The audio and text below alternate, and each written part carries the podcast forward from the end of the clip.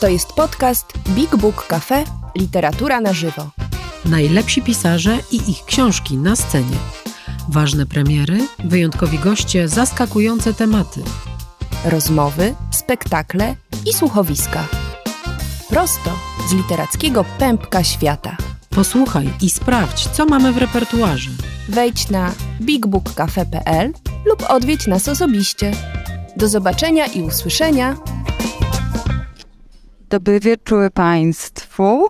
E, witam serdecznie i tych, którzy mieli odwagę w tym straszliwym wietrze i e, deszczu przyjść, e, spotkać się z nami i w tłumie na dodatek.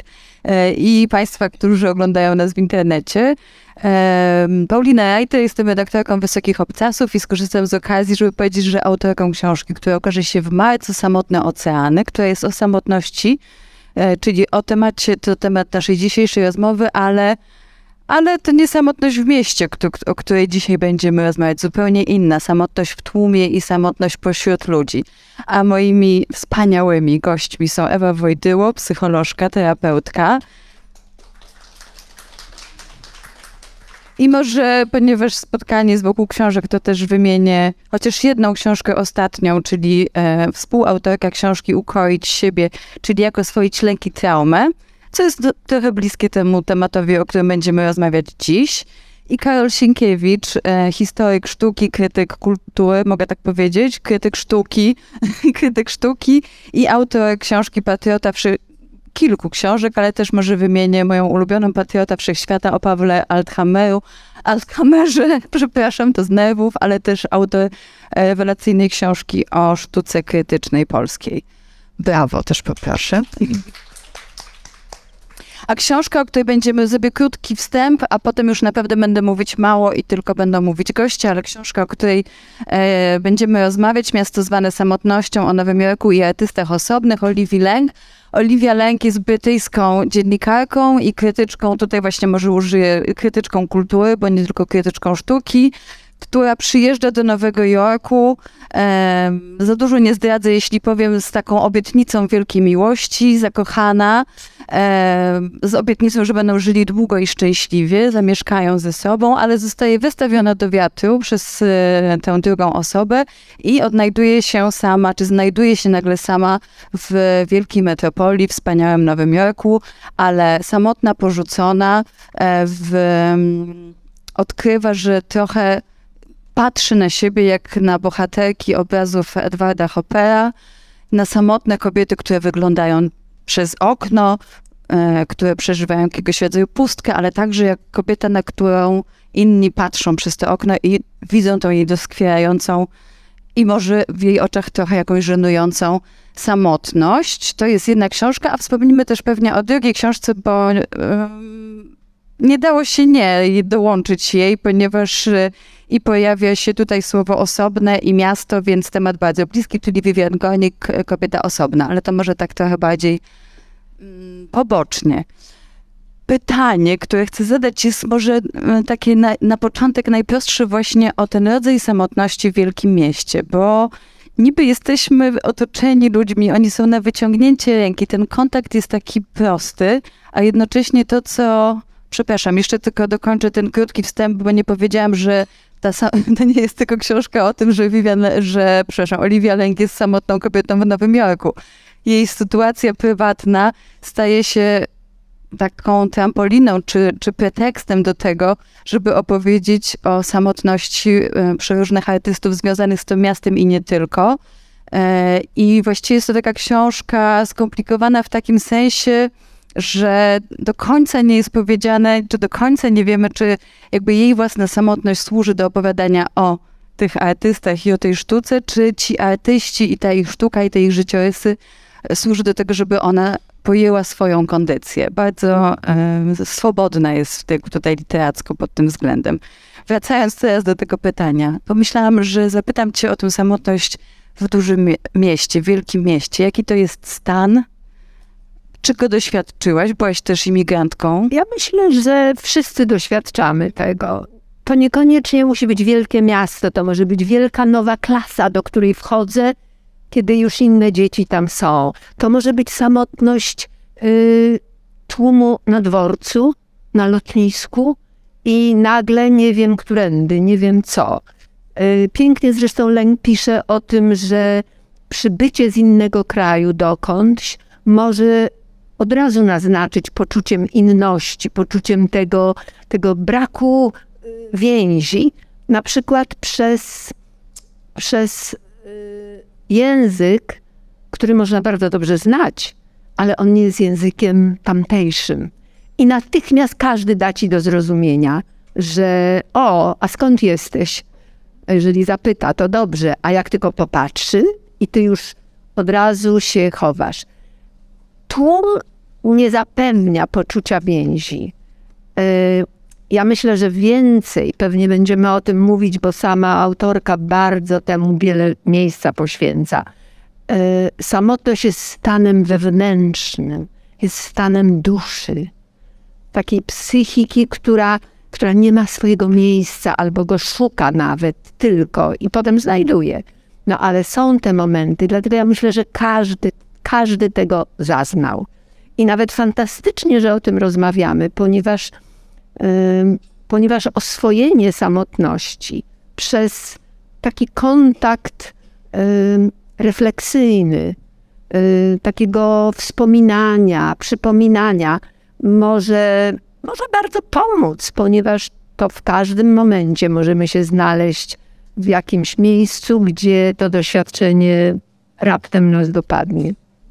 Jak zadzwoniłam dzisiaj, żeby tak trochę przegadać, e, o czym będziemy mówić, to ty powiedziałaś bardzo piękną rzecz, bo powiedziałaś, e, że właśnie o samotności, o czym teraz mówisz, że o samotności trzeba rozmawiać, żeby ją oswoić, tak samo jak rozmawiamy o traumie, żeby e, móc ją ukoić, i tak samo jak ważne jest, żebyśmy rozmawiali o żałobie, żeby ją łatwiej przejść. Ale to e, dla mnie jakby tak jednoznacznie wpisuje samotność w ten szereg tych przykrych, smutnych, bolesnych doświadczeń. Bez wątpienia. Bez wątpienia samotność można nawet porównać, jeżeli chodzi, bo to nie jest uczucie, to jest pewien stan psychiczny, e, na który składają się różne uczucia i one już są bardzo indywidualne, ponieważ my możemy nawet nazywać swoje emocje po swojemu, więc to trudno zrobić jakąś taką e, klasyfikację, ale właściwie samotność jest bólem. To jest tak jak ból. On nie jest fizyczny, w sensie mogę dotknąć miejsca, które trzeba u, uleczyć. To jest ból jakiejś rany wewnętrznej. Ja teraz mam dosyć dużo do czynienia z ludźmi, którzy y, albo chcą innym pomagać, albo sami szukają ratunku, szukają pomocy. Takie czasy. I bardzo trudno im powiedzieć, czego im brakuje, ale tym jednym słowem, które może otwierać temat, to jest mam rodzinę, ale samotność. Y, mam pracę, ale źle, źle mi z tym. Myślę, że to jest, że to jest też jakiś taki egzystencjalny y, wątek. Taki spotkanie z czymś, czego nie rozumiem w sobie. Więc samotność ma bardzo wiele oblicz i wiele twarzy. Jest jedna, co najmniej jedna twarz samotności, to jest taka, której szukamy. Ona nie jest wcale zła, prawda? Ona jest samotnością twórcy, który potrzebuje jej, żeby się do, do, do, jak gdyby dostać do, do tego źródła swojego swojej wyobraźni. Więc samotność może mieć różne, różny charakter, ale jeżeli jest brakiem, poczuciem braku, poczuciem nieobecności, tym, co zresztą tłumacz świetnie sobie poradził z tą książką, ponieważ jest tam kilka takich synonimów samotności. To jest osobność, to jest yy, inność, sama inność jest oddzielnością, jest odepchnięciem. No i wtedy się tą samotność odczuwa. Ciekawe, że powiedziałeś właśnie o tej samotności, której poszukują twórcy, artyści. Czy myślisz, że ona, e, że Lęk, autorka, miała taki instynkt, żeby właśnie wśród artystów, y, żeby analizować tę samotność artystów, bo że to może przynieść jakieś ukojenie? Czy czujesz, że w tym była jakaś taka po prostu e, siła życiowa, która ją tam pociągnęła? Nie, myślę, że ona, że ona przełamała samotność tych artystów, o których pisze, wchodząc w ich życie i tak jakby bez ich fizycznej obecności, ona nam pokazuje, że gdyby spotkała, spotkała tych niezwykłych, tych niesamowitych ludzi, to może dałaby im trochę ciepła, może by była tą jedną istotą, która ich tak bezgranicznie rozumie za nic, bez oddawania ciała, bez szukania e, u nich ratu. Ona po prostu, także ona wykazała taką empatię e, ponadczasową, ponieważ niektórzy już nie żyli przecież, kiedy ona badała ich dzieje i losy. Większość nawet, tak? Tak. Że w ogóle to przekry... Y, wszyscy chyba nawet. Wszyscy, bo Berger... Za, tak. za Zoe Le... Joshem Harrison. I poza Zoe Leonard? Tak. To może w stronę tych artystów na chwilę, a potem jeszcze tak będę krążyć między wami, ale e, jak oceniasz tę drogę, jak oceniasz ten wybór? Czy on był dla ciebie e, zaskakujący, ciekawy? Gdybyś może mógł w kilku słowach powiedzieć, jaka to jest ta droga, których artystów ona wybrała i czy układać się to w jakąś spójną całość, czy wręcz przeciwnie, jest jakieś chaotyczne? Znaczy, ten wybór rzeczywiście może się wydawać bardzo zaskakujący. Wydaje mi się, że dosyć niefortunne w tym podtytule zostało użyte sformułowanie artyści osobni, którego nie ma w oryginalnym tytule i trochę mnie ten podtytuł jakby zwiódł w zupełnie inną stronę, to znaczy on jest taki sugerujący, jak artysta osobny to jest artysta, który nie jest głównym nurcie, który um, tworzy gdzieś na marginesie, który nie przejmuje się modami, trendami i tak dalej. Tymczasem jakby w tej książce mamy czołowych amerykańskich twórców XX e, wieku, Edwarda Hoppera, Andy'ego Warhola, Davida Wojnarowicza, używał polskiego brzmienia tego nazwiska. I to właściwie tych artystów prawdziwie osobnych jest tu bardzo niewiele i to są ci inni bohaterowie tej książki, czyli e, Henry Darget, czyli najbardziej znany właściwie na świecie w tym momencie artysta outsider, którego twórczość została odkryta dopiero e, po jego śmierci. Tutaj są też inne przykłady, jakby padają w tej książce Vivian Mayer, e, fotografka, która była przez całe życie pracowała jako opiekunka dla dzieci i przy okazji fotografowała wspaniały film jakby opowiadający o tym, jak ta jej twórczość właściwie została odkryta. I e, dla mnie to są ci prawdziwi artyści osobni. Trochę też artystą osobnym jest ten ostatni bohater tej książki, czyli Josh Harris, który był um, um, jednym e, z milionerów, który dorobił się na um, tak zwanej bańce internetowej. Miał firmę, która analizowała, e, jedną z pierwszych firm, która analizowała rynek internetowy, ale później zaczął się w jakimś sensie bawić w artystę. I tutaj też jest inny film, który o jego historię opisuje, a się nazywa chyba Live in Public albo Life in Public po angielsku. I opisuje tak jego, jakby właściwie opisuje sposób, w jaki on wydał swoją fortunę i wydał ją na takie bardzo szalone eksperymenty, które były połączeniem imprezy, czasami więzienia, czasami e, e, orgii. E, to była jedna z imprez, którą zakończyła, która trwała chyba około miesiąca i zakończyła interwencja policji. I drugi jego eksperyment to było życie przez e, e, w zamknięciu ze swoją dziewczyną świeżo poznaną i e, transmitowanie tego całego jej życia non-stop w internecie jeden z pierwszych tego typu projektów, trochę połączenie e, e, Big Brothera. E, I to, on też był takim artystą, który nie do końca, on mówił, że to są projekty artystyczne, ale to nie był artysta, który, to nie była osoba, która realizowałaby te projekty w ramach jakby pola sztuki. Bardziej jakby w ramach tego e, nowego pola, jakim w tym, e, wtedy był internet i co bardzo ciekawe, że on akurat się w tej książce e, e, też znalazł. Dla mnie jakby ta książka bardziej opowiada o tym, e, ona szuka, autorka szuka różnych aspektów swojej samotności, nawet nie tyle w twórczości tych artystów, tylko bardziej w ich biografiach. Wyjątkiem jest tutaj może Edward Hopper, który uchodzi, jego obrazy uchodzą za takie portrety samotności e, w wielkim mieście, chociaż on nie zawsze się z tym zgadzał, z taką interpretacją. I trochę inaczej jest w przypadku Davida Wojnarowicza, którego sztuka rzeczywiście jest bardzo autobiograficzna. E, autobiograficzna, oparta na jego własnych e, emocjach, zarówno jakby sztuka, sztuka z,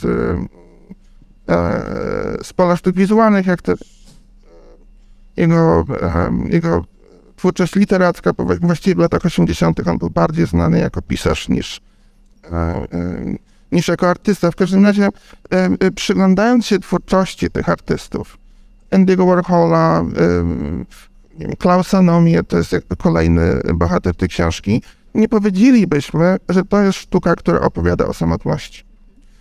Dopiero autorka, przyglądając się biografiom tych, tych poszczególnych artystów, ty, tą samotność jakby w tej, e, u nich odnajduje.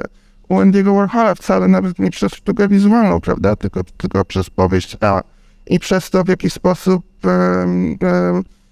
przez jego problemy z językiem, prawda, ona interpretuje e, jego samotność, a nie przez to, jaką sztukę tworzy. Bo tak naprawdę Andy Warhol przecież to, jest jakby największy paradoks trochę to, o czym pani... Tak ale też jakby on tak naprawdę był w otoczeniu tnie, non-stop, jakby, i jakby w tym, w tym tłumie tworzył. Więc jest, jest pewien jakby taki paradoks w tej książce. Ta, e, to może teraz z powrotem do tej samotności bardziej psychologicznie, ale tutaj się to tak łączy, że zachęcam, żebyście mówili na zmianę i też e, nie wziąłem okularów, ale jeśli Państwo będziecie chcieli się włączyć do dyskusji, to proszę też się tak strasznie nie powstrzymywać, tylko e, albo wydać, wyrazić tę chęć e, głośno, albo zamachać jakoś e, fajnie, jakbyśmy wszyscy rozmawiali, ale ta wędrówka przez biografię różnych artystów odsłania właśnie, tak jak mówiłaś, różne twarze tej samotności i właściwie tam się pojawiają takie jakby pokrewne słowa, że czasami to jest odrzucenie, tak jak powiedziałaś, czasami to jest inność wynikająca z choroby, Czasami to jest samotność wynikająca ze stygmatyzacji, ale może bym zaczęła od Hoppera, bo muszę powiedzieć, że ten rozdział mnie zaciekawił pod tym względem, że pomyślałam, że w tym wypadku nie było, nie jest nakreślony taki jasny powód i że ta jego samotność jest taka bardzo wewnętrzna. To znaczy, zdawać by się mogło, że jak w przypadku, jak rozumiem, na przykład depresji, nie e, musi być powodu takiego zewnętrznego, do tego, żebyśmy odczuwali tą taką dojmującą, egzystencjalną, właśnie straszliwą samotność. Nie musi być żadnego powodu, ponieważ tak, zresztą wcześniej do tego prowadziłam, że e, samotność rodzi się w środku. E, możliwość, zwłaszcza w otoczeniu setek, tysięcy, a nawet milionów ludzi, jak w Nowym Jorku, nawiązanie kontaktu jest bardzo łatwe. Y, natomiast to nie, nie, nie wypełnia pustki. Y, tę pustkę wypełnia coś, co w książce się przewija kilkaset razy pewnie. To jest miłość.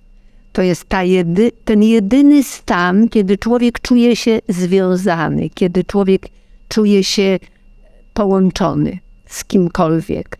Natomiast yy, Hopper, bardzo dobrze, że zwróciłaś uwagę na to, że on jest właśnie spełnionym artystą, bardzo płodnym przecież, i ale y, na tę swoją wyniosłą żonę on y, patrzy właściwie cały czas tak jakby z bardzo daleka.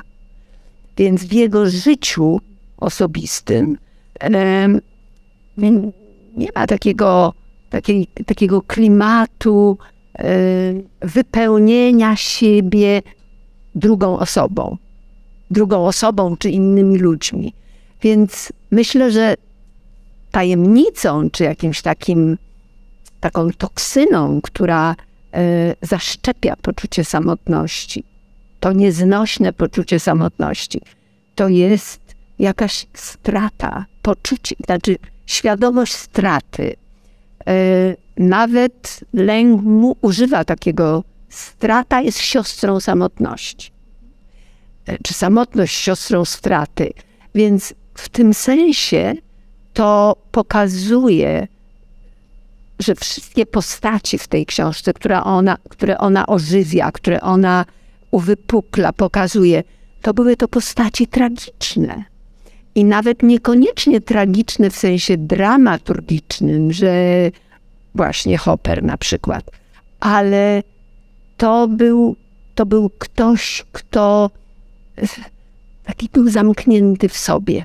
No i przez to pewnie jego obrazy, przynajmniej w części, noszą to znamie, że patrząc na tę dziewczynę stojącą w oknie, czy postaci, które, które są osobne,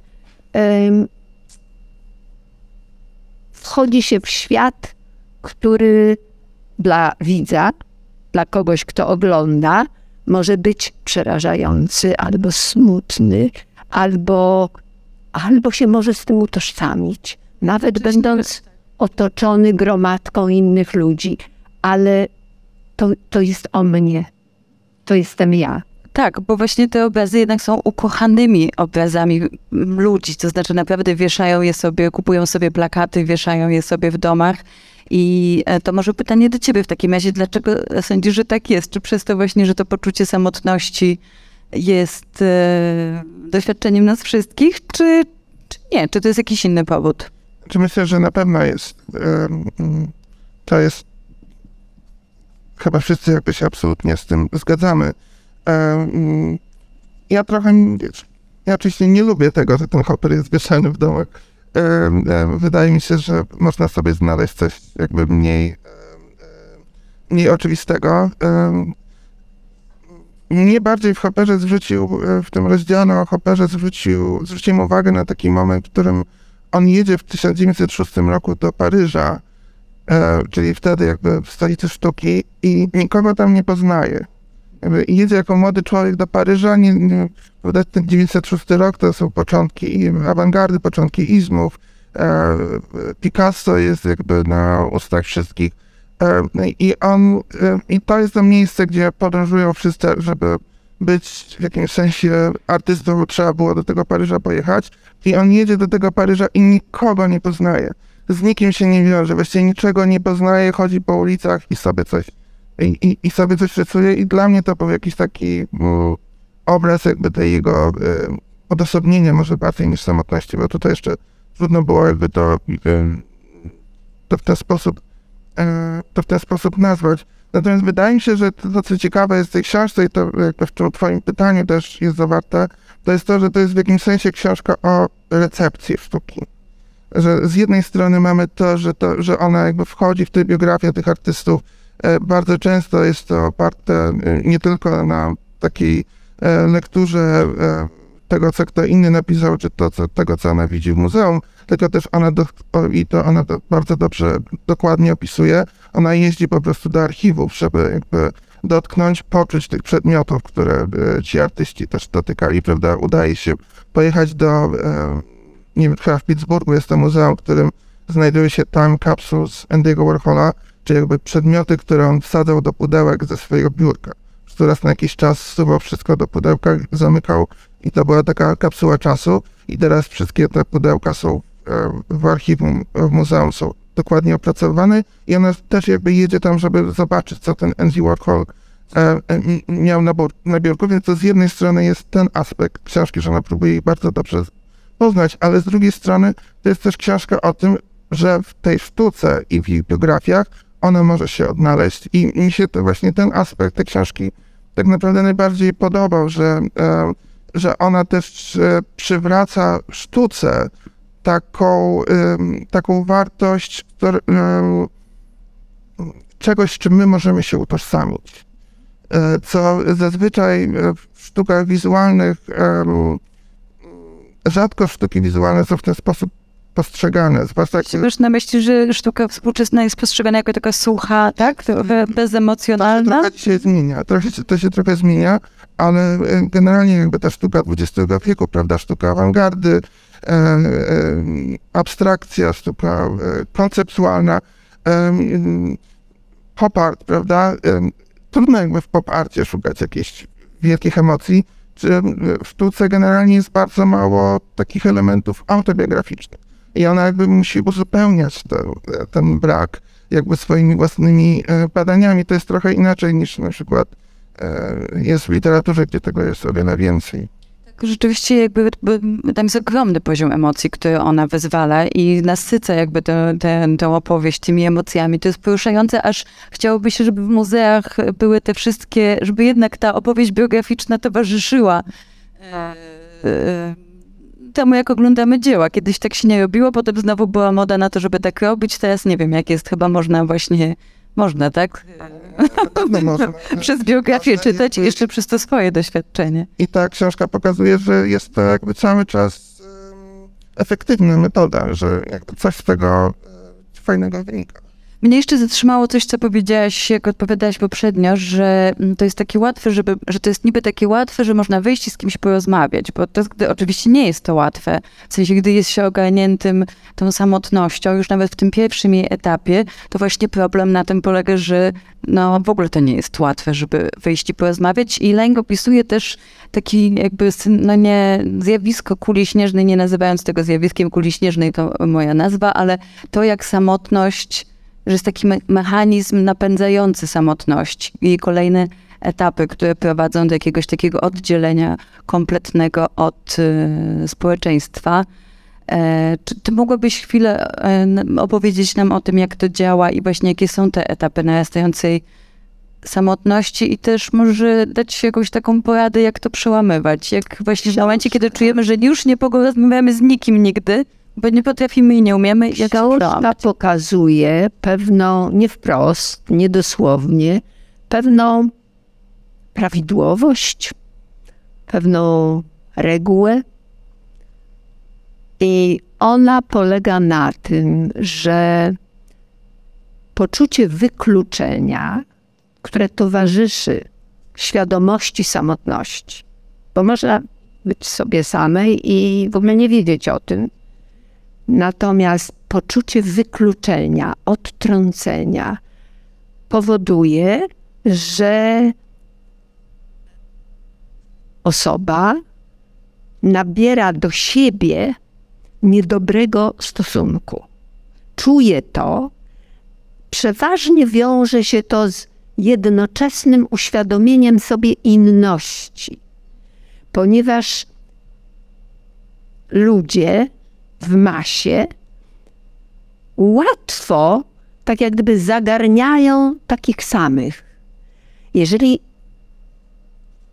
ciebie nie zagarną, to tobie każe to myśleć, że ja jestem inna.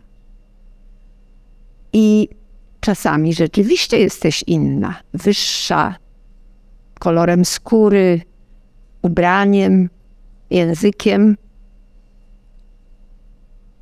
behawiorem, zachowaniem, szukam czegoś. Natychmiast ktoś to zauważy i ty się boisz, ale ciebie się też boją. I ona tu w tej książce w wielu miejscach zaznacza, że samotność jest wzajemna. Ty się nie czujesz częścią grupy, ale grupa nie chce ciebie włączyć, ponieważ to działa i oczywiście subiektywnie jednostka jest narażona na, wię- na większe zagrożenie niż grupa. Grupa odtrąca i idzie sobie dalej. Natomiast jednostka odtrącona może zabłądzić, może się zgubić, może nie móc ruszyć dalej. Więc przy, przy, przy opisach, przy tych biogramach artystów, którzy byli wstrząsająco odmienni, wstrząsająco.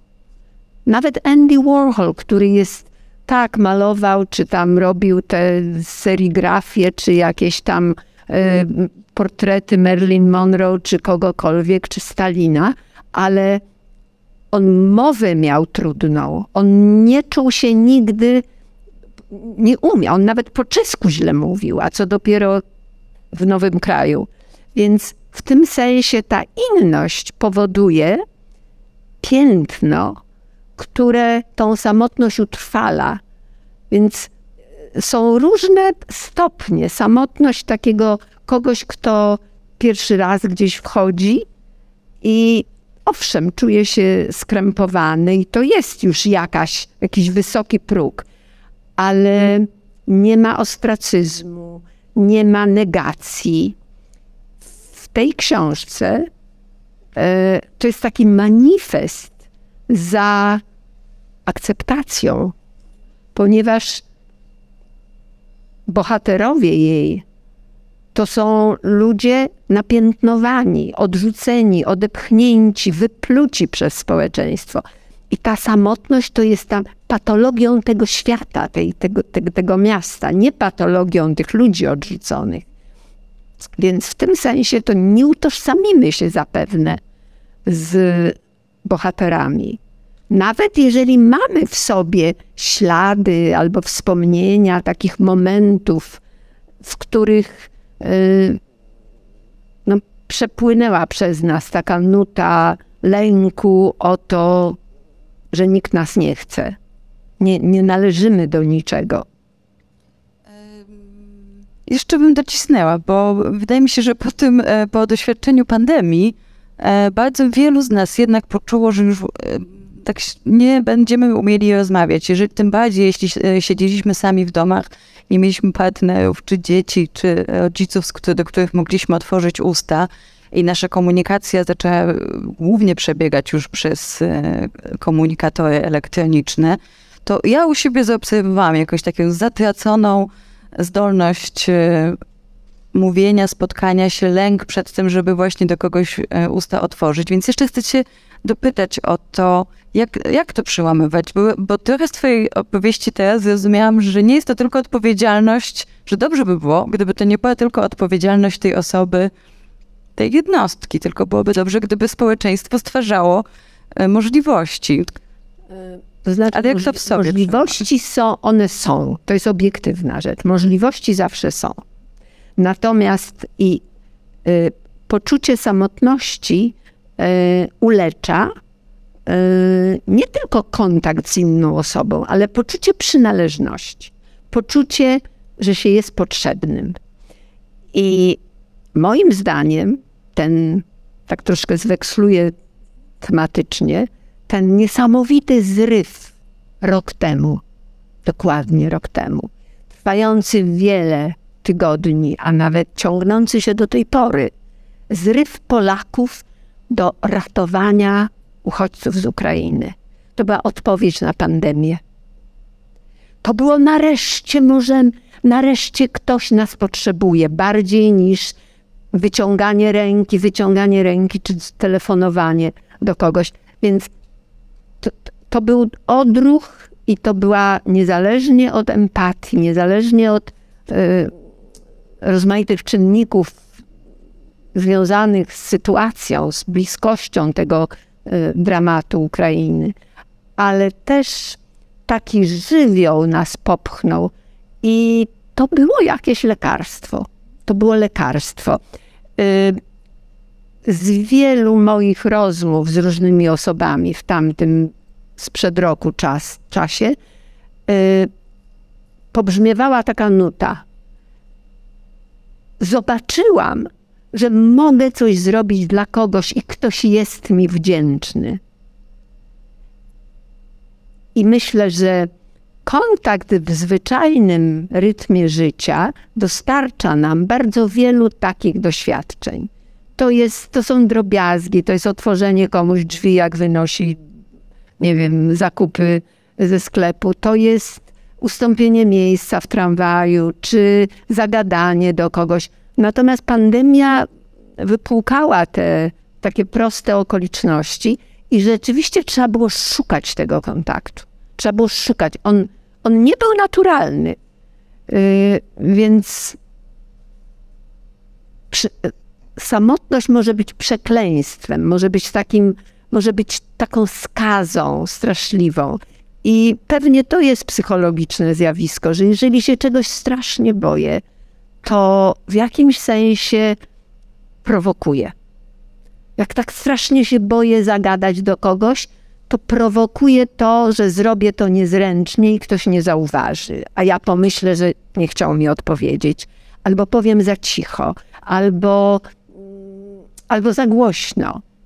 E, lęk w którymś miejscu pisze w tej książce, że jeżeli jesteś zbyt agresywny, zbyt przebojowy, albo gdy jesteś zbyt wycofany i zbyt wyciszony, to w jednym i w drugim przypadku tłum ciebie odrzuci. Jakie to jest niesamowicie prawdziwe. Wydawałoby się, że takie łokciowanie to dopiero człowiek zawsze ma to, co chce. Nie. To, to jeszcze się rządzi swoimi prawami. Pewnie są środowiska, w których bardziej albo mniej działają te mechanizmy. Więc żeby, żeby tak trochę tchnąć jakiegoś, jakiejś otuchy, jakiejś pogody, to z samotności można wyzdrowieć. Samotność można oswoić. To nie znaczy, że natychmiast spotkasz Roberta De Niro, bo to nie o to chodzi, żeby od razu w euforię wpaść. Ale, ale tym wzorem właśnie naszej pomocy Ukrainie, idąc takim tropem, można powiedzieć, każdy może zawsze, w każdej chwili zrobić coś dla kogoś. I nie w patologicznych przypadkach, tylko w takich, powiedzmy, normalnych, rutynowych, codziennych, które nas spotykają właściwie setki razy w życiu, to można tym kluczem posłużyć się i natychmiast nastąpi zmiana niekoniecznie trwała, ale nawet chwilowa, która otworzy jakieś drzwi. Więc na samotność trzeba patrzeć niebiernie. O, spotkało mnie, no i już, no i koniec, i nie ma wyjścia. Tylko y, podejmowanie próby, ale nie, nie, w, nie w taki idealistyczny sposób, tylko w niezwykle praktyczny taki właśnie, mogę do kogoś list napisać, mogę, mogę nawet o kimś pomyśleć, mogę sobie o kimś przypomnieć, kto na to zasługuje. I jest takie sycenie swojego głodu za pomocą takiego samokarmienia.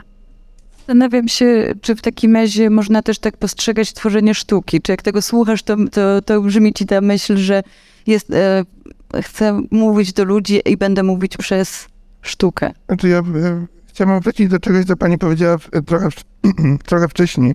To znaczy, nie, ja bym się z panią nie zgodził, że ci wszyscy bohaterowie są tacy wypluci przez społeczeństwo i odrzuceni, um, dlatego właśnie, że oni jednak odnajdują jakby pole sztuki, e, które w jakimś sensie no, tych wszystkich odmieńców um, przyjmuje i akceptuje i w tym momencie oni już jakby znajdują to pole dla swojej ekspresji. E, e, może jakby to nie jest jakby w pełni zadowalające, czy nie pozwala im e, e, sztuka nie zastąpi terapii, prawda? To wiadomo. Ale pomyślałem sobie o Klaus prawda, że e, on, który jest tym dziw, dziwakiem, ni to śpiewakiem operowym, ni to Właściwie jak on mieszka w Niemczech, to jeszcze nie wie, kim, kim chce być, ma jakiś talent, czuje to, czuje się odmienny. On dokładnie wie, gdzie ma jechać. Prawda? On jakby e, wie, że on musi jakby związać się ze sztuką i wie, że tym miejscem jest Nowy Jork. Ponieważ tam jest jakby takich jak on jest dużo i zostanie tam zaakceptowany i tam może nawet zrobić karierę i się nie myli. To bardziej to odrzucenie, o którym pani mówi, jakby ono się pojawia w tej książce w formie stygmatyzacji przy E, epidemii AIDS i to też dotyczy oczywiście Glausenami, bo on był jakby pierwszą taką bardziej znaną osobą, e, która na AIDS umarła, ale też David Wojnarowicz e, Peter Hudger i jakby całe to środowisko artystyczne nowojorskie, które rzeczywiście było zdziesiątkowane przez Bates i o wiele bardziej niż, niż w innych miastach czy krajach na świecie, dlatego jakby to, ten temat taki jest mocno obecny też, e, też w tej książce. Jeszcze może zapytam o tę płeć, bo tak przed spotkaniem rozmawialiśmy o tym, e, czy, czy samotność ma płeć. Tu jest bardzo wielu, główną bohater, autorką i główną jakby bohaterką tak naprawdę jest kobieta, Olivia Lang, kobieta porzucona. E, wybiera głównie artystów e, płci męskiej. Kobiety pojawiają, pojawia się żona Hoppera, też mówiliśmy, pojawia się Billie Holiday bardzo e, krótko, właściwie jako obrazek. E, Kto jeszcze? Zoe Leonard, która straciła przyjaciela, czyli pojawia się jako kobieta, która też tęskni za przyjacielem. E, I jeszcze jakaś? Pełni też rolę taką e, naprawczą. Tak, tak. E, Greta Garbo. 10 kilometrów. Tak. E, No właśnie, czy, czy uważasz, że samotność ma płeć, ma gender? To znaczy, mm, nie, powiem, że samotność jest uniwersalna, tylko pewnie ją inaczej przeżywamy. Że samotność może prowadzić do, y, do takiej samodestrukcji, częściej u mężczyzn. Samo, samotność kobiety oczywiście odczuwają, przeżywają. Kto wie, czy może nie częściej, bo, ale to kulturowo z kolei może być uwarunkowane. Natomiast kobiety mają pewnie i biologiczną, i społeczną rolę, która zwraca zawsze kobietę ku ludziom. I we wszystkim, co I to obciążenie jest jednocześnie naszym wybawieniem? w jakimś sensie to jest to, że mamy zresztą w kilku takich obszarach dokładnie to, co powiedziałaś, że właśnie obciążenie jest wybawieniem albo jakąś łaską, albo jakimś darem. E, Na przykład kobiety są łatwo, e, znaczy mają skupienie rozproszone, mogą tu coś robić, tutaj się zajmować, tu myśleć, tu jeszcze coś o sobie, ponieważ kultura nas wprowadziła w tę rolę przez biologię. Jak się ma dziecko, to, to trzeba oprócz wszystkiego, co trzeba zrobić, trzeba jeszcze nigdy o tym dziecku nie zapomnieć. W związku z tym ta wieloczynnościowość sprawia, że kobiety są bardziej takie, e, e, nie chcę powiedzieć rozproszone, ale na pewno e, dużo bardziej wielowątkowe i w, w jednym czasie są zdolne do kontynuowania różnych wątków. Virginia Woolf, e, jeśli dobrze pamiętam, pisała, że żeby być pisarką, żeby być twórcą, twórczynią, trzeba zabić w sobie anioła domowego, więc jednak kobiecie, jak rozumiem, niezbędna jest samotność do tego, żeby tworzyć. No więc po wielkich twórczyniach, których coraz więcej, o których, y, o, o, o których liczbie coraz więcej wiemy, bo co Nobel to kobieta, przepraszam, to się okazuje, że wcale nie musiały zabić w sobie anioła. W ogóle nie. To jest właśnie to, że ten, to, to co utrudnia ten, ten, te- te- te- ten proces takiego całkowitego oddania czemuś jednemu, sztuce, pisaniu, malowaniu, fotografowaniu, tworzeniu. Wcale nie jest ta sztuka mniej ob- jakaś głęboka, nie jest mniej obdarzona geniuszem. A biografia twórczyń wskazywałaby na to, że e, no, nie musiały mieć żony, żeby gotowała im obiad, prawda? No więc chyba to tak było. Ja oczywiście nie, nie, jestem w stanie odpowiedzieć w ten sposób na tak postawione pytanie, ale też zastanawiałem się jakby dlaczego w tej książce dominują mężczyźni. Jest to jak, jakiś jednak słabość tej książki na pewno. I e, myślę, że na pewno dałoby się e, tutaj ją genderowo jakoś zróżnicować. Um, ale bym jakby odwrócił to, to pytanie i jakby się zastanowił, bym powiedział tak, że gdybyśmy nie zajmowali się samotnością, tylko gdybyśmy postanowili poszukać sztuki, która w bezpośredni sposób opowiada jakby o, o przeżyciach, o traumach, o jakby o autobiograficznych doświadczeniach i poszukali tego w sztukach wizualnych, to byłyby to głównie kobiety. By, byłaby to w Nowym Jorku powiedzmy Louis Bourgeois, u nas mielibyśmy e, Alinę Szapocznikow na przykład. E, to podejście jest jednak bardzo specyficzne Oliwii Lang, że, e, że ona jakby musi wykonać dodatkową pracę, żeby dotrzeć do tej samotności tych autorów, ponieważ tak jak w przypadku Andy'ego Warhola, jego sztuka jest dla niego maską.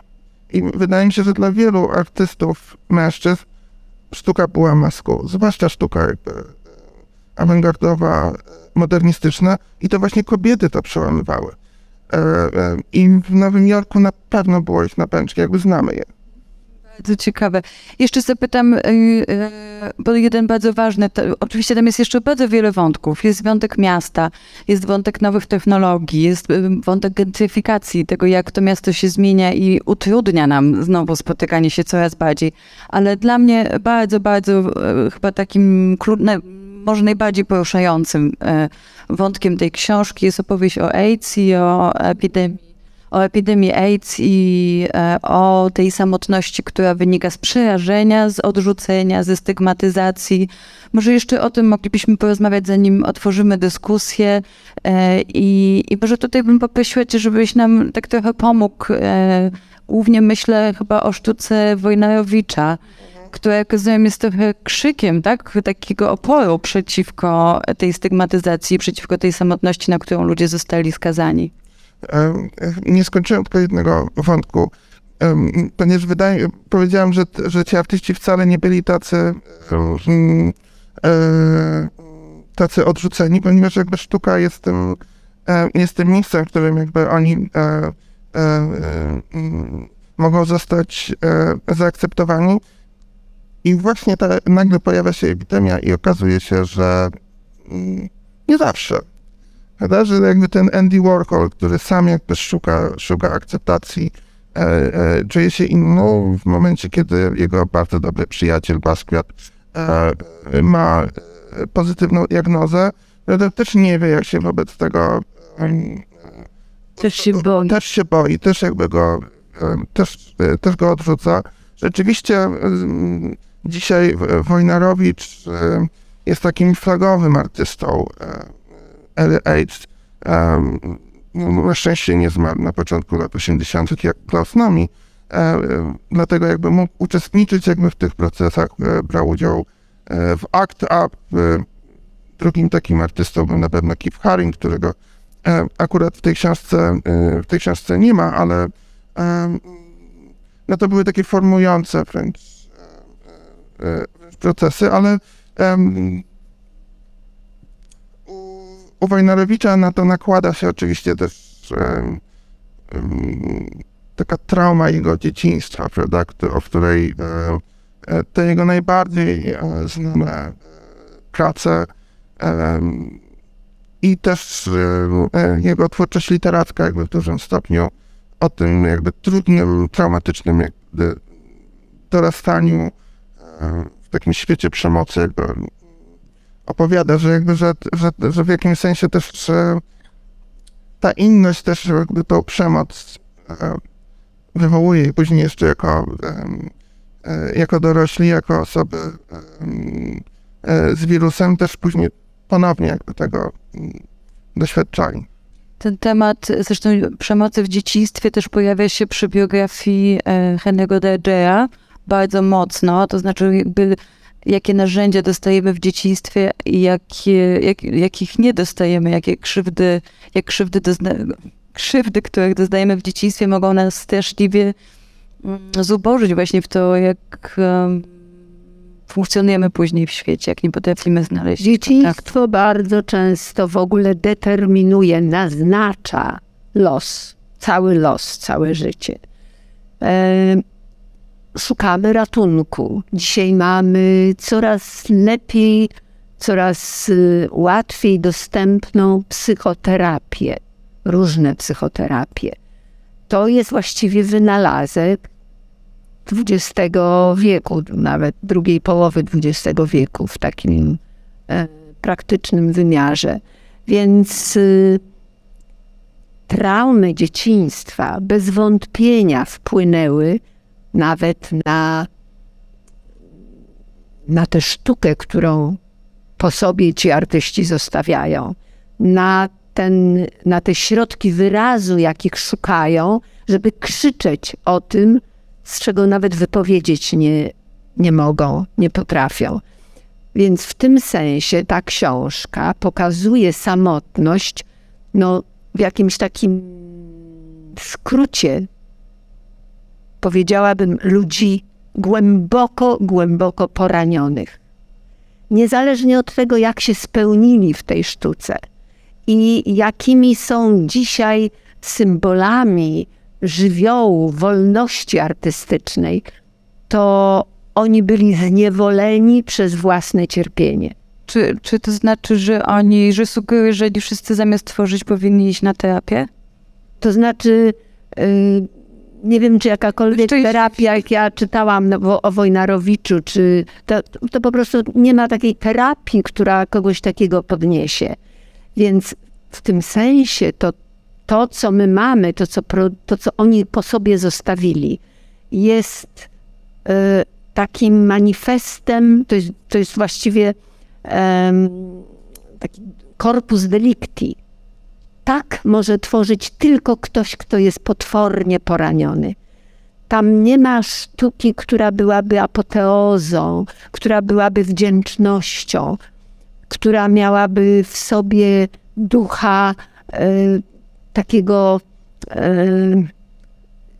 jest moim zdaniem jeden przykład i to jest moim zdaniem e, praca, o której ty wspominałeś, Zoe Leonard, która jest na, opisana na końcu i która jest taką pracą zszywającą świat, zszywającą właśnie osobnych ludzi, łączącą, e, ale to może, to może już nie wchodźmy w to teraz, tylko zostawimy. Mhm.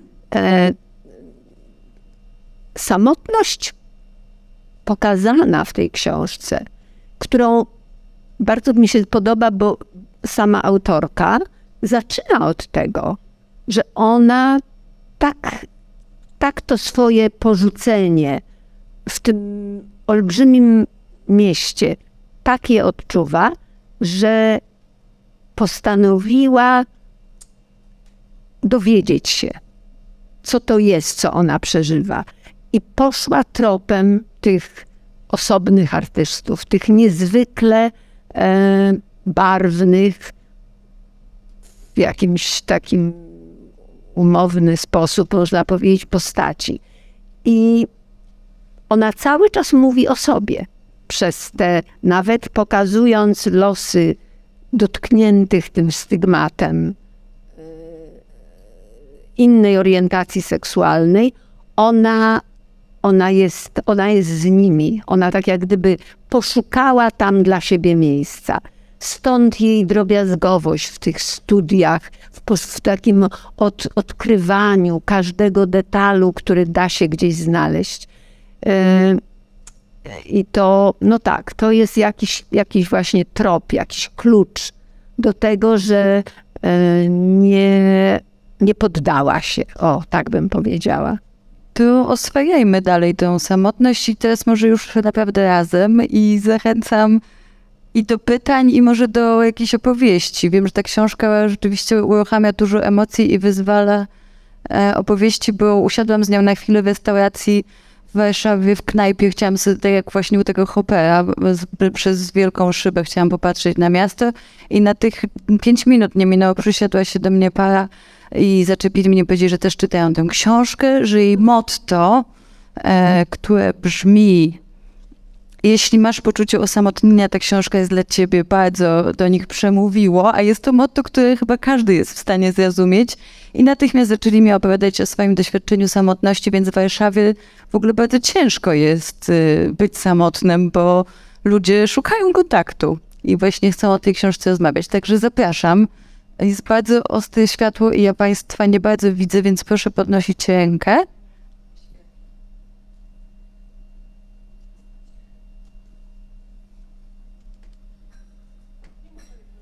Jest czy nie? Jest. Może ja podam mikrofon, bo zdaje się, to jest ważne do transmisji, tak?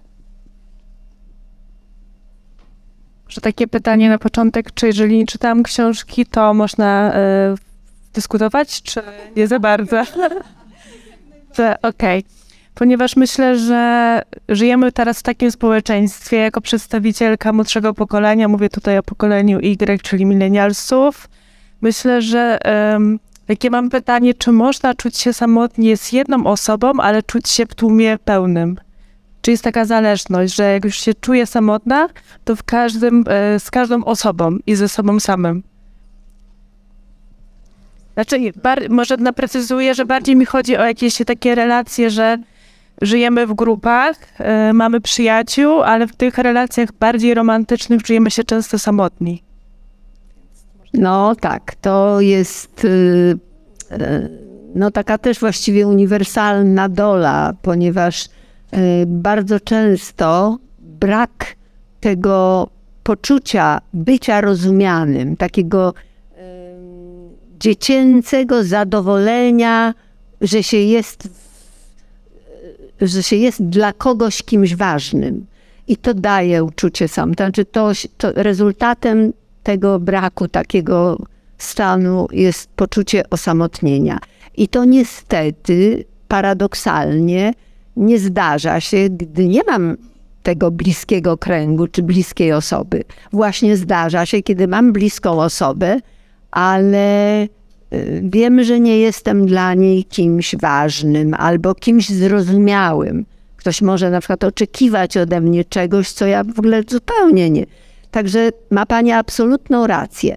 Natomiast e, w takich sytuacjach e, ograniczenie się do tego jednego obiektu jest y, ryzykowne. I na szczęście prawie nigdy nie jest to e, sytuacja bez wyjścia. Dlatego, że nawet jeżeli na tej osi z kimś najbliższym, z kimś, na kim tobie najbardziej zależy, jesteś osamotniona, to masz przyjaciółkę.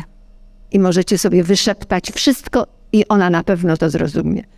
Więc w tym sensie samotność jest, jest doświadczeniem, ale nie wyrokiem skazującym.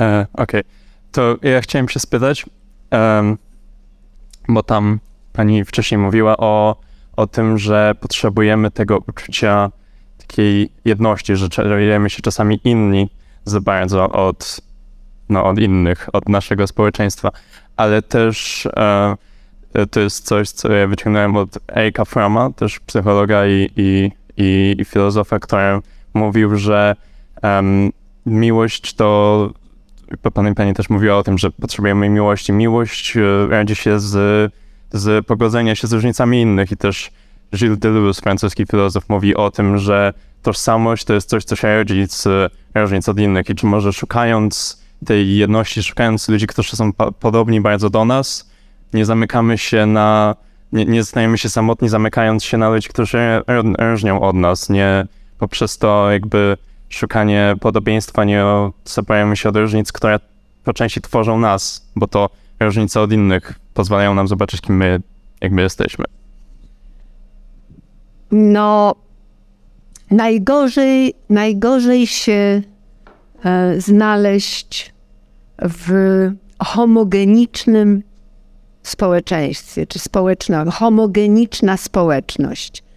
Najgorzej tam się znaleźć, dlatego że wtedy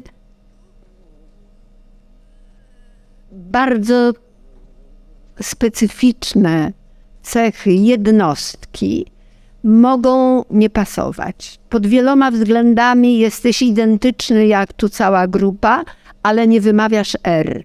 I wcale nie wiadomo, czy to się spodoba, czy nie.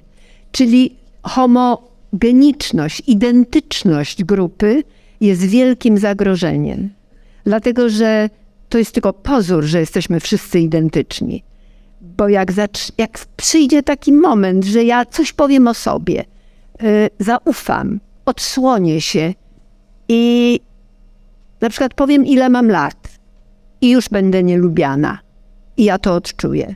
Czyli inność nie jest y, jakimś symbolem czy środkiem wyrazu koniecznie widocznym, tylko stosunek do inności, jeżeli jest zamknięty, jeżeli nie dopuszczam inności, to ryzykuje każdy. E, mogę dać taki przykład. E, do, dotyczy to bardzo różnych rzeczy. To jest kwestia, no, co ja o sobie powiem. Jeżeli się znajdzie ktoś albo cała grupa, dla której to będzie niedopuszczalne, na przykład nie jestem katoliczką, no to koniec, przepadłaś. Chyba, że grupa nie jest homogeniczna, to znaczy nie przywiązuje wagi do swojej identyczności. Czyli to, co Pan powiedział, że różnorodność, co dzisiaj mamy taki moment przełomowy od 15, może 20 lat, kiedy w ogóle powstało pojęcie neuroróżnorodności, które mówi, że wszyscy ludzie na całym świecie znajdują się na tej samej osi, że nie jest tak, że jest jedna oś normalnych, a jest druga nienormalnych i tam się mieszczą wszyscy, który, których my nie lubimy. Tylko wszyscy jesteśmy na tej samej osi. Od czasu, kiedy można badać mózg ludzki, bo oczywiście wszystko mieści się w mózgu. I już to wiadomo, to teraz jest taka pora, taki czas, kiedy rodzą się te y, odważne prądy mówiące, że w ogóle nikt nie jest inny. Tak naprawdę to nikt nie jest inny. To są tylko stopnie tej, tego, tych cech, które po prostu e, ewoluują, przenikają. Mało, już wiemy też jedną, to nauka nam mówi, już wiemy, że ta sama osoba, ta jedna osoba w różnych okresach życia nie jest taka sama jak poprzednio, czy jaka będzie kiedyś. Co jest niesamowite, bo to dotyka takich takich zjawisk, takich pojęć, które do niedawna w ogóle y, były niedotykalne, uchodziły za tabu, y, nie dopuszczano. W tej książce pełno jest o tym, jak się traktowało, jak, jak się czuli ludzie o odmiennej niż heteroseksualna orientacji. I dzisiaj powoli, powoli gdzie niegdzie jeszcze to się nie zaczęło, ale to już zaczyna być, to zaczyna być zrozumiałe, że aha, to to w ogóle tak jest i że bardziej boimy się bycia ocenionym, ocenioną niż tej samej samotności. Przynajmniej ja tak mam. Ja się nie boję tego, że będę gdzieś sama, ale boję się tego, że widzą to inni i że na pewno myślą o mnie, że jestem słaba, że nie potrafiłam się odezwać, nie potrafiłam zareagować. Jakby to jest większym demonem niż to bycie samemu. No, no, bardzo piękna refleksja, bardzo piękna refleksja, moim zdaniem bardzo prawdziwa, bardzo głęboka, bo rzeczywiście samotność nosimy w sobie. Ona jest takim naszym czujnikiem, takim sejsmografem, czy nie wiem jak się nazywa taki instrument, który tak reguluje, żeby zawsze było mniej więcej dopuszczalna na przykład temperatura. Termostat, o, to jest takim termostatem. Otóż poczucie wartości zapewnia, poczucie wartości, które też nie jest jakieś, jakimś wykutym w kamieniu bytem, tylko jest, ewoluuje, zmienia się, waha się. Jak, nie wiem, komuś zajadę drogę, to się fatalnie czuję, mówię sobie, Boże, głupia, jak jechałaś. Czyli to, to może, ale za chwilę, jak dojadę i zobaczę tego, kogo tam, komu drogę zajechałam i pomacham, pokażę minę, że mi przykro, a on się ucieszy i zrobi tak, no to znowu jest ok. Czyli ma Pani absolutną rację. Też trochę tak chyba w relacjach jest, że oceniamy bardziej wtedy siebie, że znowu ja źle wybrałam, znowu ja coś głupiego zrobiłam, zawiodłam, jakby tak. o mnie, a nie o kimś, a to w sumie jest opowieść o dwóch stronach. Kobiety, tak. Tak, tak samo też e, dużo razy to padło bycie odrzuconym i to też tak jest domin- mm, demonizowanie trochę tego, że boimy się tego bycia odrzuconym i tego, co inni o nas pomyślą, a w sumie rzadko jest tak, że zakładamy, dobra, nie ta grupa, to nie była moja grupa inna, może jakby spróbuję, spróbuję jeszcze raz, tylko jakby takie trochę rozczarowanie, które za tym idzie, jest e, tym, co jest najtrudniejsze, żeby to przepracować i żeby nie brać tego tak bardzo do siebie. Tak, to jest jeden kierunek, dobry kierunek, wymaga no jednak dużo siły, od, takiej odporności psychicznej. Y, trochę bardziej bezpieczny sposób to jest boję się, bo mogę być odrzucona. Jeżeli napotkam sygnał odrzucenia albo sygnał takiej surowej weryfikacji, to szukam dalej i idę tam, gdzie nie jestem odrzucona. Po prostu dużo bezpieczniejsze. A to jest yy, po co? Dlatego, że wtedy całą energię która przedtem szła na lęk, na nieufność, na sprawdzanie siebie, patrzenie na reakcję. Jeżeli jestem w empatycznym środowisku, w życzliwym, co łatwo sprawdzę, mogę oczywiście po pewnym czasie natknąć się na jakiś trudny moment, ale właściwie to się rozpoznaje przez taką sprawdzanie reakcji otoczenia na moją obecność, czy na moje działanie, czy na moją współuczestnictwo. I w momencie, gdy silny sygnał mówi mi, tu cię nie chcą, to idź dalej. Jeszcze mam jedno pytanie, może na koniec do Was wszystkich. Czy macie w kontekście sztuki jakiś utwór, nie wiem, piosenka, obraz, film, który opowiada o samotności, który jest dla was wyjątkowy albo z którym się najbardziej... Piękny film blisko. E, taką rzeczą, która ostatnio na mnie zrobiła ogromne wrażenie, która jest trochę o tym, jest film After Sun. Ja, ja muszę się zastanowić, ale za to e, mogę się uratować pytaniem od pani Lidii, bardzo pięknym, które przyszło z otchłanie internetu. E, I chyba do was obojga, czy omawiana tu książka daje nadzieję, czy tylko analizy samotnych dusz? Znaleźliście w niej nadzieję? Mi się wydaje, że już samo to, że autorka e, dokonuje próby analizy własnej sytuacji e, i e, to już jest jakby pewien pierwszy krok do tego, aby tą samotność przełamać, więc na pewno jest w tym jakaś nadzieja. A ja, a ja myślę, że książka jest tak świetna, że można zaryzykować bez tej nadziei. No na pewno to jest jakaś potęga literatury tutaj, że rzeczywiście y, ja miałam bardzo dużo wątpliwości na początku, ale potem dałam się porwać tej narracji i to jest chyba też coś takiego, że no, z książką nie jest się nigdy samotnym, jest tak wciągającą tak, książką. Ale tu jeszcze jest jeden taki, powiedziałabym, trochę, ale on jest bardzo ludzki y, akcent czytam o naprawdę nieszczęśliwych dramatach ludzkich, o pięknych twórcach, dzikich, szalonych, zwariowanych, obłąkanych, ale obolałych do krwi, do. No i siedzę sobie w fotelu, rozglądam się, tu kotek, tu piesek, tam przyjaciółka, tu mąż, tu żona to nie tylko nadzieja, ale w ogóle Boże, jakim ja jestem szczęściarzem. Słuchajcie, ja w ogóle zapomniałam o drugiej książce, o której mieliśmy znaleźć, to już nie wiem, to ja sama...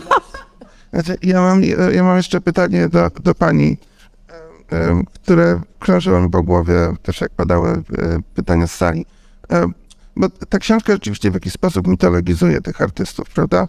I um, ja czytając ją myślałem też o tym, że tutaj nie ma w jakimś sensie e, takiego jednego rodzaju samotności. Nie wiem właściwie, czy, czy, czy dobrze to nazywam, ale mm, no, w tworzeniu, w uprawianiu sztuki, w wypowiadaniu się publicznie jest coś bardzo takiego, um, powiedziałbym, bezczelnego. e, żeby, jakby, że chcę zostawić jakby ślad po mnie na świecie. Ten Andy Warhol, który zrzuca te rzeczy ze swojego biurka i uważa, że to jest wartościowe, żeby to pudełko jakby zachować dla potomności. Wydaje mi się jakby, też już jakiś czas jakby tkwię w środowisku sztuki, jakby, że są jakieś ogromne mm, mamy, mamy zawsze do czynienia z jakimś przerośniętym ego, ogromnym, a z drugiej strony jakby, że, że to się opiera na jakich ogromnych pokładach narcyzmu. I jakby żyjemy też jakby w bardzo narcystycznej kulturze. Więc jakby moje pytanie do pani jest takie, jak ten jakby narcyzm się ma do, do, do tej samotności, bo też myślę, że ta samotność może też wynikać jakby z tego, że po prostu mam takie poczucie wyższości i trochę jakby z góry na wszystkich patrzę. E, no, jest to w ogóle temat na kolejną rozprawę, ale tak, wielkie ego równa się narcyzm. To już po pierwsze. Po drugie, artysta nie, nie byłby w stanie zostawić, stworzyć dzieła, gdyby nie był, gdyby nie miał tego wielkiego ego. To nie jest obiad, który gotuje i ludziom smakuje to jest kawałek siebie się zostawia. To jest taka y, komunia z własnego, z własnej takiej krwawicy. Więc zwłaszcza, że tworzenie, nawet jeżeli tak jak y, Barget, on, on rysował jakieś całe tysiąc, dziesiątki, setki tych obraz, wydawało się, że cóż to tam, ale to jest on to robił dla siebie. On to robił dla siebie, tak, ale taki nie, nie spodziewał się, że to kiedyś ujrzy światło dzienne. Ale to jest zawsze tak jakby wyrywanie kawałkami swojego czegoś, co się, co się przeżywa. W tym sensie to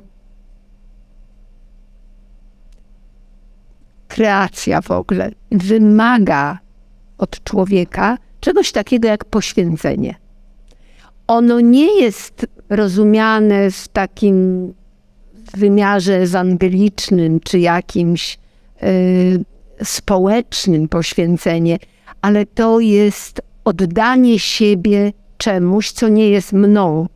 Nie robię tego dla siebie. Nie odczuję żadnych y, przyjemności z tego. No więc to jest bardzo specyficzny rodzaj w ogóle egzystencji. I ma pan absolutną rację, że to jest narcyzm doprowadzony do to, że ktoś zbiera wszystko z biurka, zrzuca ze stołu i pakuje do pudeł, żeby po mnie to zostało. No umówmy się, jest to oprócz narcyzmu i oprócz ego, jest to jeszcze megalomania. Bo to Duchampa jest ten e, pisuar. No więc właśnie, coś takiego. To, są, to, są, to, jest, to, to jest taka prowokacja trochę. Ale myślę, że właśnie u jednostek takich jak Andy Warhol, u jednostek, które noszą w tym swoim zachowaniu, w, swoich, w swoim świecie wewnętrznym znamiona, no jednak dużego odchylenia od przeciętności, to to jest usprawiedliwione. Można to zaakceptować, można to polubić, można jeździć i oglądać te długopisy, czy popsute ołówki, czy gumki do ścierania, czy fa kawałki farby, czy kredki. Ale to, to nie ma nic wspólnego ze sztuką. To ma coś wspólnego z artystą i to ma coś wspólnego z samotnością. To jakby dobrze zrozumiałem, że nie można tworzyć bez narcyzmu. Prawie, że nie. Dlatego, że jednak musisz lubić, lubisz,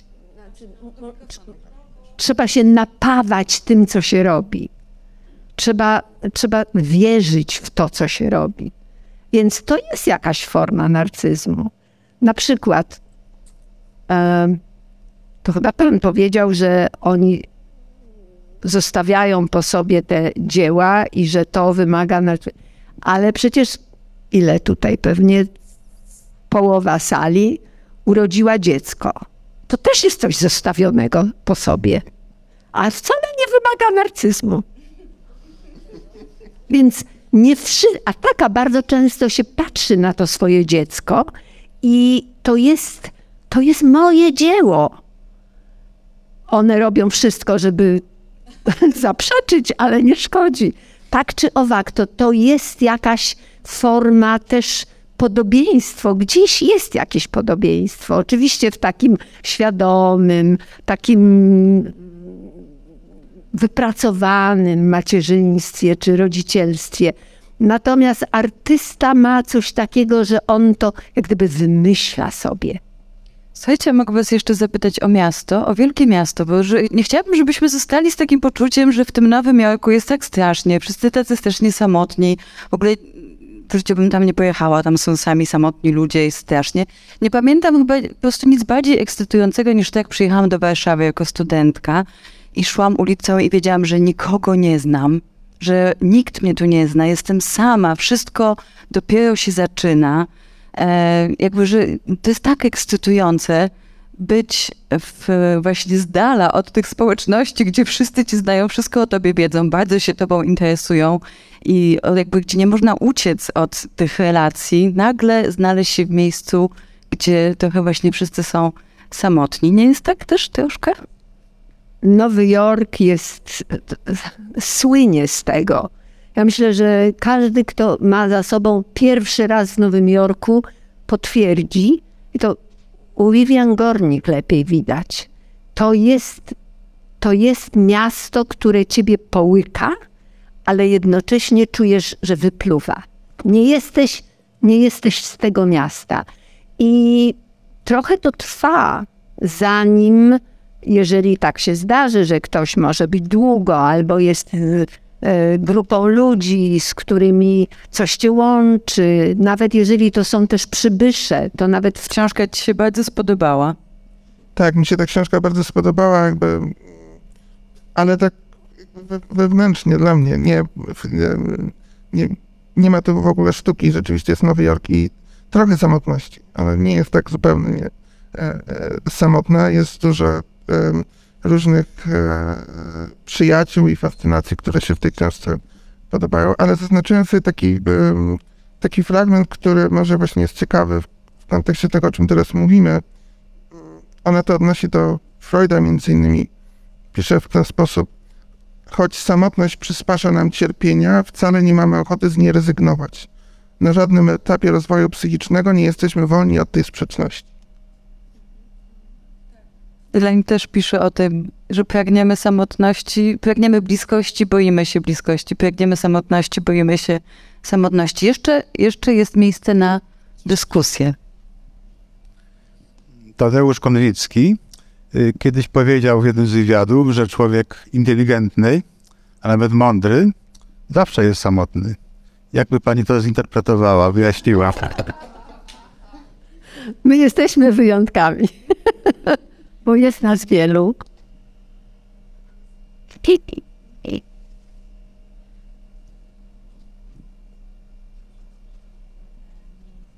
Ja bym zapytała o patologiczne społeczeństwo, o którym pani wspominała, bo tu jest taki problem i może nie w Nowym Jorku, ale bym się do naszego społeczeństwa odniosła. Czy jakoś to można zaradzić, żeby tak nie odrzucało inności? W ogóle skąd to też ze z lęku, ze strachu? Tak, tak jakoś chcemy być homofobiczni, czy chcemy być, no i ja nie chcę, ale mm, wiedzą Państwo pewnie o czym mówię, o naszych... Nie wiem, co by socjolog powiedział, bo psycholog to może, Proszę. to może nie, nie, nie, nie, nie rozpoznawać tych, tych dużych planów i to bardzo trudno zgadnąć, jak, jak wybrnąć z sytuacji, która rozbiła, roztrzaskała na ileś tam kawałków, a co najmniej na dwie połowy, to jeszcze gorzej. E, taki twór, jakim jest społeczeństwo, czy jakim jest gromada ludzi w tym samym miejscu. To jest strasznie trudne. Samotność nie dotyka człowieka, gdy znajdzie się w miejscu, gdzie inni się nie lubią. Tylko samotność dotyka człowieka, gdy sam odczuje, że jest nielubiany. Więc tak jak powiedziałam tu żartobliwie pani, to tak samo mogę powiedzieć pani, że trzeba szukać niszy albo swojego takiego kokona, miejsca, gdzie, gdzie wszyscy są do siebie, gdzie nawet jak czegoś nie rozumiem, to będę długo pytać, to mi powiedz, to wytłumacz. Yy, I to samotność koi, bo nie jest to, yy, nie jest to trzecia ręka. Samotność to jest coś takiego, jakbyś nagle przywiązała sobie rękę i tylko masz jedną, albo obie sobie przywiązujesz i nie masz żadnej. No to trzeba ją je uwolnić, trzeba te pęta zdjąć. I lekarstwem, takim, takim balsamem, który uspokaja i nie to, że na zawsze chroni cię przed samotnością, ale, ale zapewnia bezpieczeństwo. To jest zawsze nawet ktoś jeden. A nawet jeżeli nie ma tego kogoś jednego dzisiaj, to był kiedyś. Na przykład mama. Fajna, dobra mama, której nie ma już dawno, ale możesz jej nigdy nie pozwolić odejść i ona sobie będzie z tobą. Więc taka magiczność ludzkiego, ludzkiej woli, wyobraźni, wrażliwości i uczuciowości powoduje, że takie dramaty bycia odepchniętym, odrzuconym, one się zdarzają najczęściej ludziom bardzo, bardzo niedoświadczonym. Teraz mamy epidemię wśród dzieci, młodzieży, bardziej niż kiedykolwiek, myślę, dlatego że, że one zaznają samotności. Jest to strasznie znamienne, bo to nie dotyczy tylko sytuacji w Polsce, to dotyczy takiej globalnej jakiejś fali zagrożeń dla młodych ludzi. Więc pewnie styl rodziny się zmienił, rozmaite czynniki. Więc lekarstwem na to, co się nam tu u nas w naszym kraju nie podoba, jest, że będziemy tworzyć małe enklawy bliskie ze sobą. I już, jak będzie takich enklaw bardzo, bardzo dużo, to się w końcu okaże, że wszyscy to mają. Czyli nie przebywaj z ludźmi, którzy cię nie lubią. A jeżeli możesz, to lub ludzi, których nawet nie lubisz. Byleby być daleko od nich.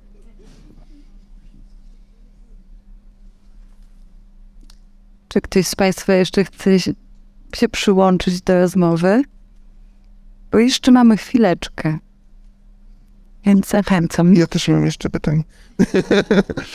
czy, czy to, o czym pani mówi, to jest to, co jakby tutaj pada na początku książki, że samotność powoduje taką reakcję łańcuchową. Tak, że, że, jakby, że przez samotność tracimy umiejętność kontaktu z drugim człowiekiem. No to swoją drogą. Przez, jeżeli długo poddajemy się samotności, na przykład przychodzi ciężka żałoba, w której zanurzam się, nie pozwalam sobie pomóc, nie pozwalam y, ułatwić sobie tego czasu. A czasami to jest potrzeba wewnętrzna. W związku z tym zamykam się. Im dłużej to trwa, im dłużej mi źle, to tym bardziej mi będzie długo źle, ponieważ to działa już neurofizjologia nasza. Nasz mózg się przyzwyczaja, a jestem w ogóle specjalistką od uzależnień, czyli od przyzwyczajeń. Więc jeżeli się przyzwyczaimy, jeżeli się przyzwyczaisz do tego, że, że ci źle, że jesteś w nowym miejscu, że cię nie znają, że ty nie chcesz znać nikogo, że cię spotkała przykrość i twoją obroną jest zamknięcie się i radzisz sobie. I nie zrobisz kroku poza, to przyzwyczaisz się i wtedy trwanie samego tego stanu staje się przeszkodą, żeby z niego wyjść. Na tym polega depresja sytuacyjna, która może się zamienić w depresję, w ten grand mal.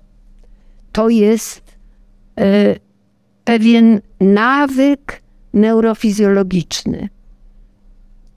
Zresztą w wielu, w wielu ludzkich sytuacjach, w kondycji człowieka jest pewien mechanizm, że jeżeli się nie obronię szybko przed czymś, co jest dla mnie niedobre i odruchowo chcę z tego wyjść, ale ktoś mnie poskromi, albo nie ułatwi, albo odbierze mi środki, nie będę mogła czegoś, z czegoś wyjść, to wtedy w tym pozostaje. I w tym sensie samotność może być takim, taka self-triggered, taka ja sama się wycofałam. Najpierw dlatego, że nie miałam sprzyjających warunków, potem dlatego, że jakoś wytrzymywałam, potem było mi bardzo źle, ale już właściwie wiem, jak to jest. A ponieważ lepsze jest to, co wiem, niż zaryzykowanie, że może być inaczej, bo a nuż będzie gorzej i w tym zostaje. Tak żyją na przykład kobiety w przemocowych związkach.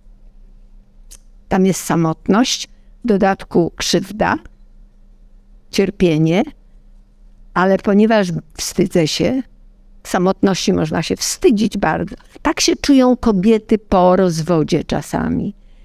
To jest moja wina. Ja nie, a jeszcze słyszę od wszystkich, no bo byłaś taką żoną, no bo wiadomo było, że się musi, no wiadomo było, że cię zostawi i tak dalej.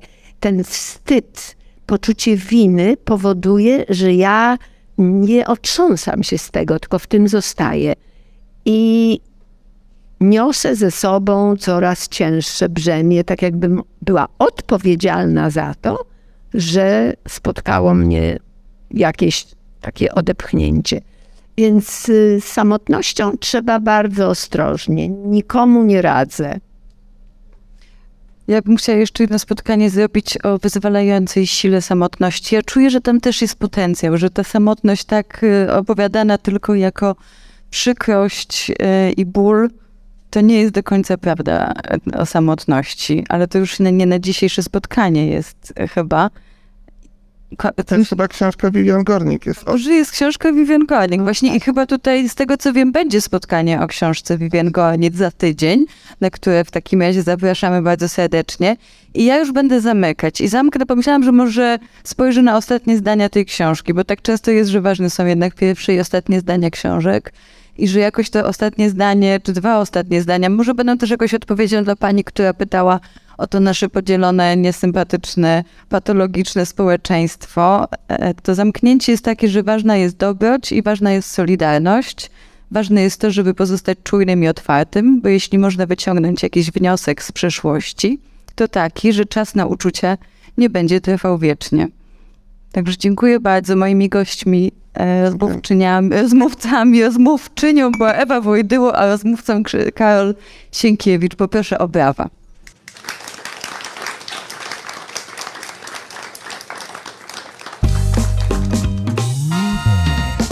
Big Book Cafe to Centrum Innowacji Literackich założone przez Fundację Kultura Nieboli. Tworzymy 200 wydarzeń w roku. Prowadzimy wege kawiarnię i księgarnię pełną dobrych książek. Big Book Cafe. Żyjemy czytaniem.